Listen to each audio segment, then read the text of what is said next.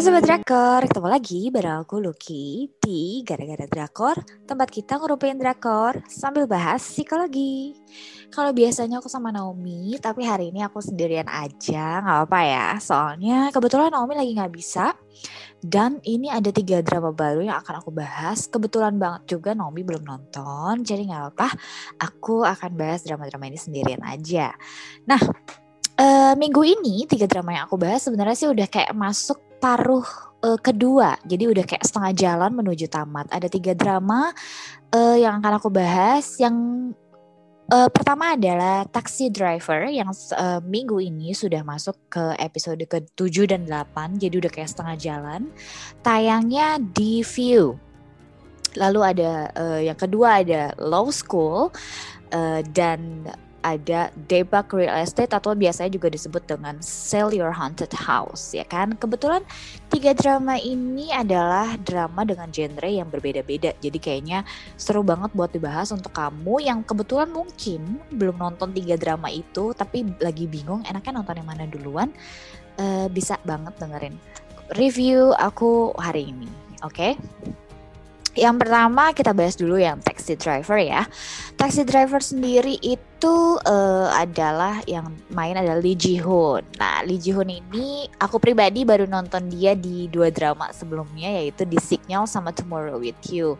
Uh, dan aku suka banget sama dia jadi mungkin ini akan agak subjektif kenapa aku nonton Taxi Driver. But uh, aku melihat bahwa Taxi Driver ini uh, jadinya interesting banget ya karena uh, genrenya agak beda di tengah serbuan drama-drama yang mikir, drama-drama yang berat, drama-drama psikopat atau drama-drama monster ya kan. Jadi ini adalah drama yang seger banget karena nggak perlu pakai mikir dan seru banget karena action.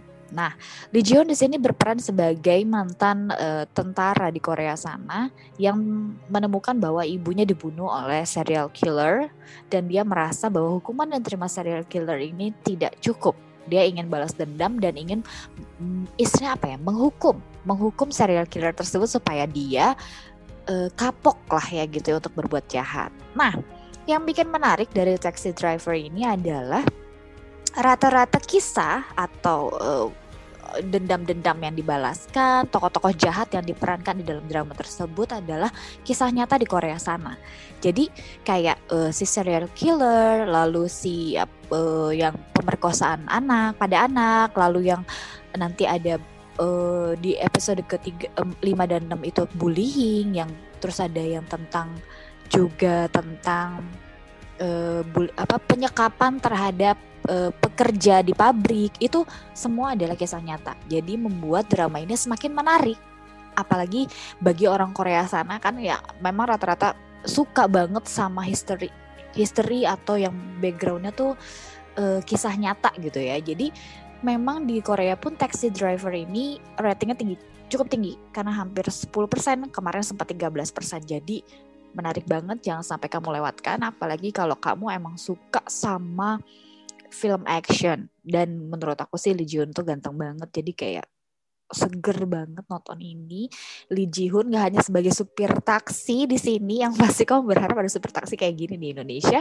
Tapi nanti di setiap episode karena ini ceritanya dia mau balas dendam jadi dia suka berpura-pura jadi guru matematika itu adalah uh, terbaiknya dia lalu dia nanti kerja di staf kantor dan segala macamnya jadi kamu akan melihat berbagai macam sisi Lee Ji Hoon di drama yang satu ini keren banget tonton ini uh, tayangnya sebenarnya setiap Jumat Sabtu di Korea sana.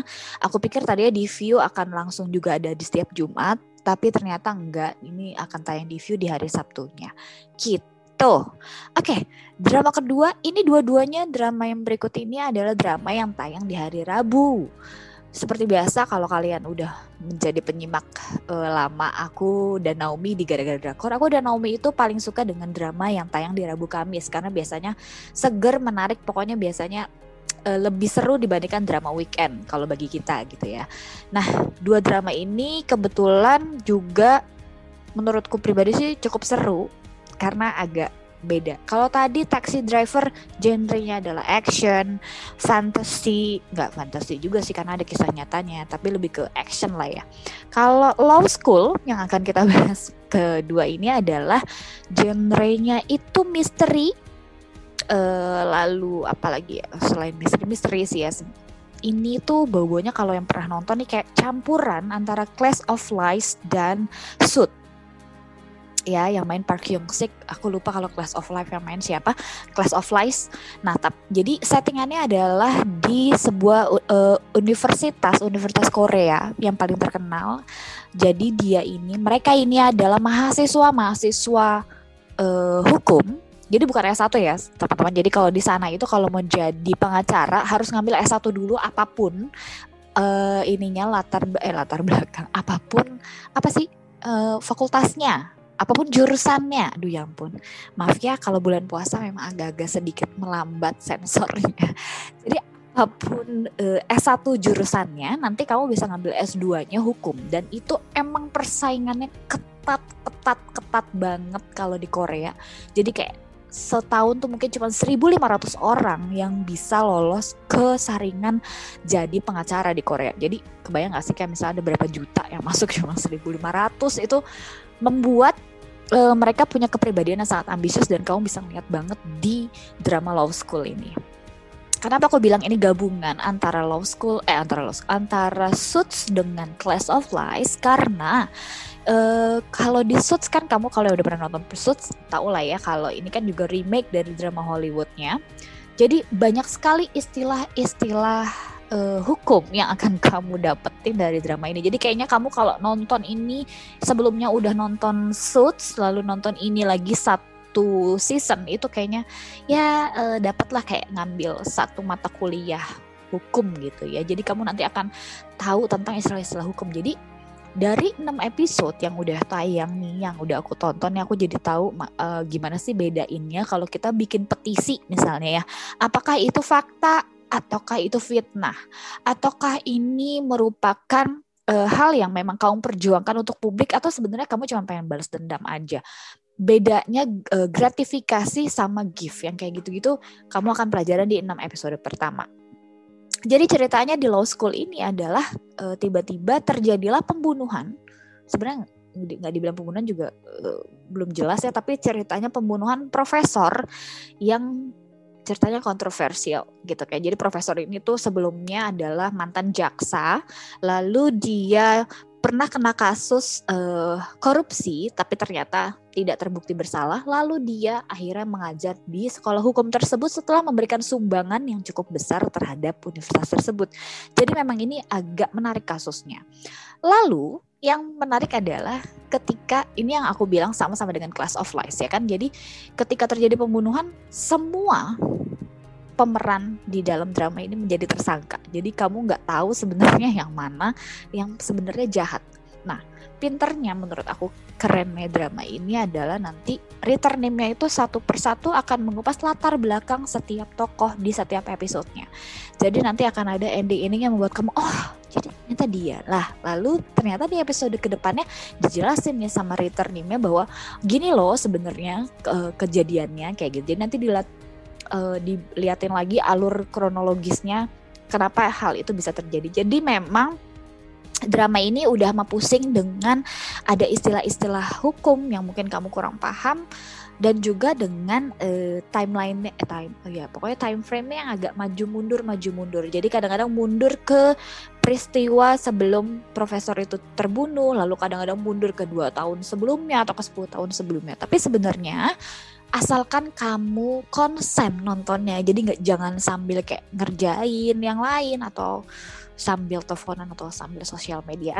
Jadi sebenarnya menurutku sih drama ini cukup mudah dimengerti. Menurut aku ini bener-bener uh, ala Hollywood banget yang nggak lambat. Jadi kamu nggak pusing mikirin eh ini apa ya? Nah jadi dia menurutku return name-nya tuh baik mau menjelaskan setiap karakter setiap tokoh latar belakang kisahnya apa kenapa dia jadi seperti itu apa sih yang melatar belakangi semua kejadian ini itu akan diceritakan perlahan-lahan satu persatu. Jadi tiap per dua episode akan menjelaskan tentang satu tokoh satu tokoh. Jadi mungkin nanti sampai episode ke-16 semua tokohnya ini akan diceritakan dengan baik gitu. Uh, pemainnya ini ada Kibum, Kim Kibum. Oh, dia masih di sini terlihat polos. Kalau kemarin waktu di Nine Tail apa yang Gumiho yang bareng Lee, Lee Dong Wook itu dia kelihatan kayak seksi banget ya, keren gitu. Kalau di sini dia lebih kayak dibilang culun bukan culun ya, apa ya istilahnya ya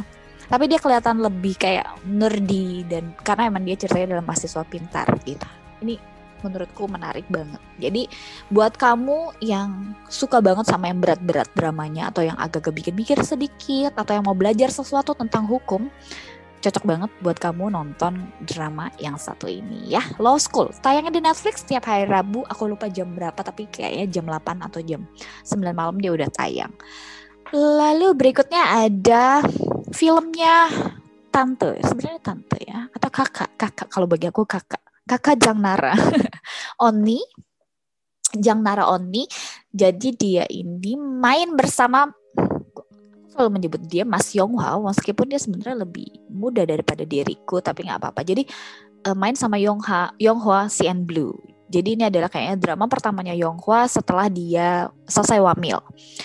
Nah Jang Nara Hwa ini main de, uh, di drama berjudul Daebak Real Estate yang uh, bahasa Inggris uh, judul bahasa Inggris adalah Sell Your Haunted House. Jadi ini tentang Jang Nara adalah CEO atau ceritanya yang punya kalau di sini namanya apa tuh? Maklar properti. Maklar properti lah ya, yang suka jual beli properti, tapi dia hanya mau uh, menangani khusus rumah-rumah atau gedung-gedung yang berhantu hmm, kalau di sini kan susah ya jual rumah yang kayak bekas pembunuhan atau yang kata orang ada hantunya. Nah, justru Jang Nara spesialis di menjual rumah-rumah yang seperti itu.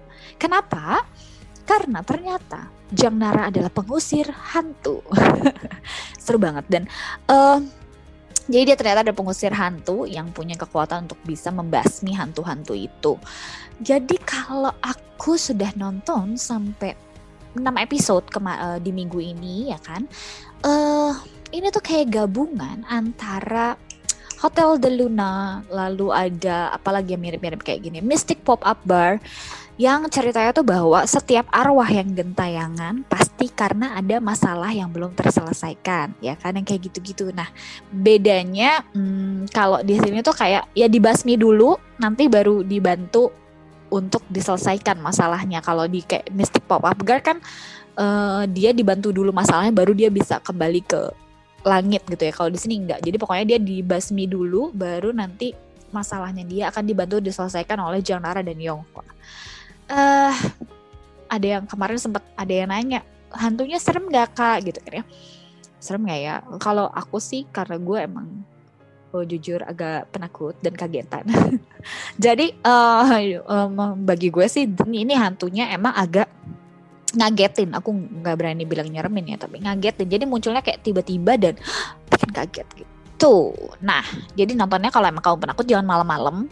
Tapi kalau pun mau nontonnya siang-siang sebenarnya nggak nggak terlalu nakutin banget karena nggak terlalu sering ini kan kayak bukan bukan hantu yang kayak gimana-gimana banget ya. Kalau kamu bisa nonton Uncanny Counter, seharusnya sih nonton ini juga nggak apa-apa karena nggak sesering itu juga hantunya muncul. Nah, uh, singkat cerita adalah si Jang Nara ini punya misi untuk bisa mengembalikan ibunya yang ternyata juga menjadi arwah gentayangan yang masih stay di rumahnya mereka. Nah, untuk bisa mengembalikan uh, arwah-arwah itu, jadi ternyata arwah ini perlu media. Media itu jadi harus ada orang yang bisa dirasukin. Jadi uh, dia masuk ke dalam tubuh manusia itu. Nah, itu baru bisa nanti kayak ditusuk gitu dadanya dengan sebuah alat oleh Jang Nara. Nanti baru arwahnya akan kembali lalu kenangan dia akan keserap sama Jang Nara. Sampai suatu hari dia ketemu sama Yong Hwa yang sebenarnya adalah penipu. Hmm, dia juga pura-pura sebagai uh, mahasiswa doktoral yang lagi ngambil PhD di Stanford khusus untuk uh, metafisik. Jadi ceritanya dia pura-pura sebagai ahli pengusir hantu juga tapi pakai alat-alat gitu yang dipasang dengan harganya mahal. Dia suka ngaku bahwa ini adalah sebenarnya penelitian jadi kamu gak usah bayar gitu kan ya. Tapi tiba-tiba setelah udah beberapa hari mau diambil gitu ceritanya alatnya sehingga si yang punya rumah ini kayak takut ah nanti hantunya balik lagi dong jangan nggak apa-apa gue beli aja. Kayak gitu. Padahal tuh sebenarnya juga hantunya dibuat-buat sama dia nggak beneran ada hantu di rumah itu. Nah akhirnya mereka bertemulah karena kebetulan e, berurusan dengan satu rumah yang sama. Jadi ternyata e, Yonghua ini cuma baca di di berita bahwa katanya rumah ini berhantu. Tapi kan dia nggak percaya sama hantu ya akhirnya dia buat-buatlah ceritanya ada hantu di situ. Nah ternyata beneran ada hantu di situ dan Jang Nara juga bertugas untuk menjual gedung tersebut. Mereka bertemu dan akhirnya ternyata Yonghua ini adalah uh, di sana saya dibilangnya tuh medium ya, medium atau physics, physics namanya. Tapi uh, medium lah ya, medium yang special. Jadi dia cukup kuat, dia bisa memberikan kehangatan jadi Jang Nara ini ceritanya setiap melakukan exorcism tuh selalu merasa dingin. Tapi entah kenapa kalau lagi ada Yonghua dia bisa mengatasi dingin itu karena Yonghua ternyata punya energi hangat yang bisa dia salurkan kepada Jang Nara ini. Lalu uh, singkat cerita akhirnya mereka bekerja sama. Lalu si Yonghua ini juga ternyata pamannya itu ada hubungannya dengan ibunya Jang Nara. Jadi mereka connected in some way dan akhirnya sama-sama berusaha mencari tahu tentang kematian ibunya Jang Nara dan pamannya Yonghua. Jadi ini cerita akan semakin seru dan menurutku yang bikin menarik adalah di setiap episodenya mirip-mirip kayak Taxi Driver tadi. Jadi di setiap episodenya akan membahas sesuatu hal yang berbeda tentang hantu yang berbeda dengan latar belakang cerita yang berbeda yang kadang-kadang bikin kita aduh kasihan juga ya kayak gitu.